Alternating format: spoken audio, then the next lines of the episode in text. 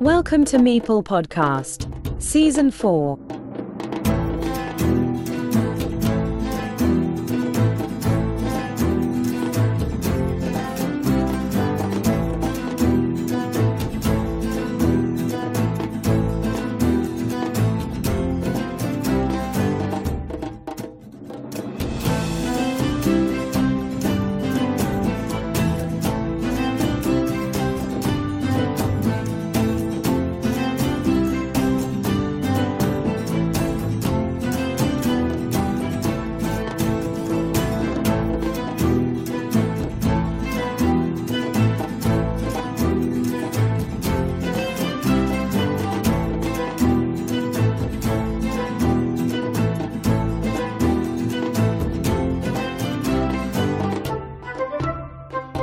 Dear audience, a short time after the Carcassonne World Championship, we still have the pleasure to interview some players from the event in Herne. 43 participants were called to take part in the event. A couple of them couldn't travel to Germany at the end due to their visa, which were denied from the respective governments. Konstantin Buchin, BGA BB Costa, and Anatoly Kravchenko, BGA Samuelson. From Ukraine, the winner was replaced by Tatiana Yusenko, the third ranked player from the Ukrainian national. The World Cup started with 42 contestants in the end. At this moment on Meeple Podcast, we have done a total of 27 interviews from those 44 players I was talking about. Last year, in 2022, we have Alexei and Alpakera. In early 2023, we interviewed Joseph Thion. Recently, two more meetings were published on the Kyrgyzstan Connection blog, Thomas Preuss and Valentin Andre, the Polish and French participants. And finally, the other 22 players on Meeple podcast. Now with us, the WTCOC 2023 semi-finalist with Team Latvia and Latvian champion this year, participant in Herne 2023 Carcassonne World Championship, Kriss Kaukis, BGA Krisna. Welcome to this sound channel. Hello, and uh, thank you, and uh, sorry for being uh, a little bit late. I suppose you were quite busy the previous days of the World Cup. Uh, yes, you're right, I was quite busy uh, before the World Cup. And uh, to be honest, I forgot about your podcast a little bit, but uh, that's because I was busy, I guess. I had the usual stuff, the usual life and the work. And then there's also my brother is a magician and he's doing a tour around Latvia. And I'm part of his team. So that takes a lot of time. And I just had a shoulder surgery a few days ago and uh, before the tournament, I was preparing for the surgery as well, doing different tests and analysis, etc. I talked to your colleagues about their expectations for the tournament, but now I have to ask you about your feelings and the whole experience lived in Herne. Shortly, I really enjoyed my time in Herne. It was really great to meet everyone, some of the players I've known them for five years or maybe even more. This was the first time I met everyone in person, so that was really cool. I really enjoyed it. Was the ranking result important to you, or is it uh, just anecdotal? Before the tournament, I set a goal for myself to reach the playoffs, so that's a top 8, which I didn't succeed. But to be honest, I didn't really care if I fail or not. So before the tournament, the result was not important for me. But once I arrived in Essen, in Herne, I met so many people who are pas- passionate about the Carcassonne game um, that I actually changed my mind. And now I want to go back again and improve my result. BGA Elo is an important event about players level, but it's very interesting to see how much of the highest BGA ranked contestants in Herne didn't reach the playoff stage, being the Swiss system face a regular way to make luck a bit lower.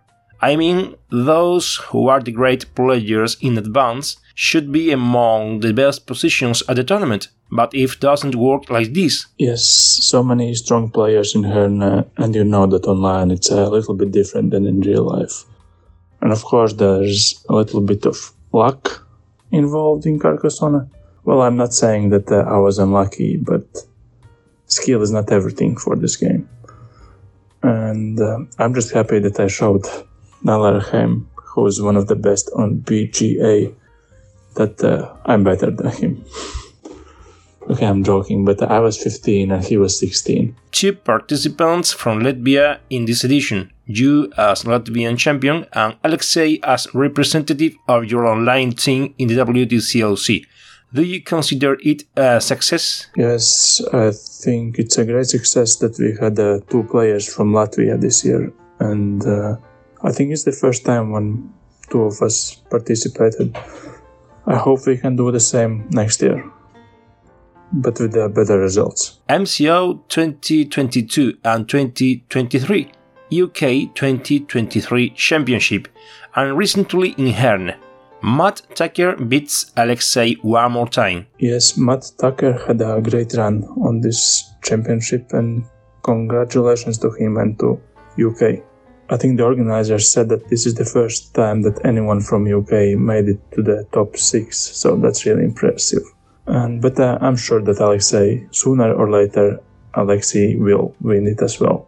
Andrius Zvavas, BGA Leo Deselis, told me that he was very happy to participate in this year in Herne because he was going to meet his teammates from 2021 WTCOC edition, because both teams, Lithuania and Latvia, played together in that occasion. Yes, I was very happy to meet him as well, him and others. That's why it was so interesting to meet finally everyone in person.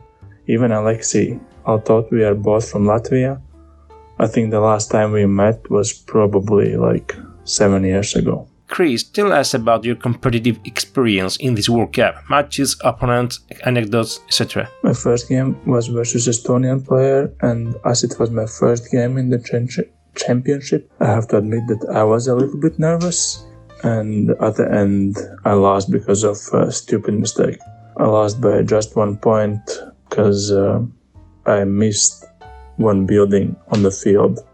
Um, I thought I'm gonna win by one point, but at the end I lost by two points. So exactly one, um, I missed one building.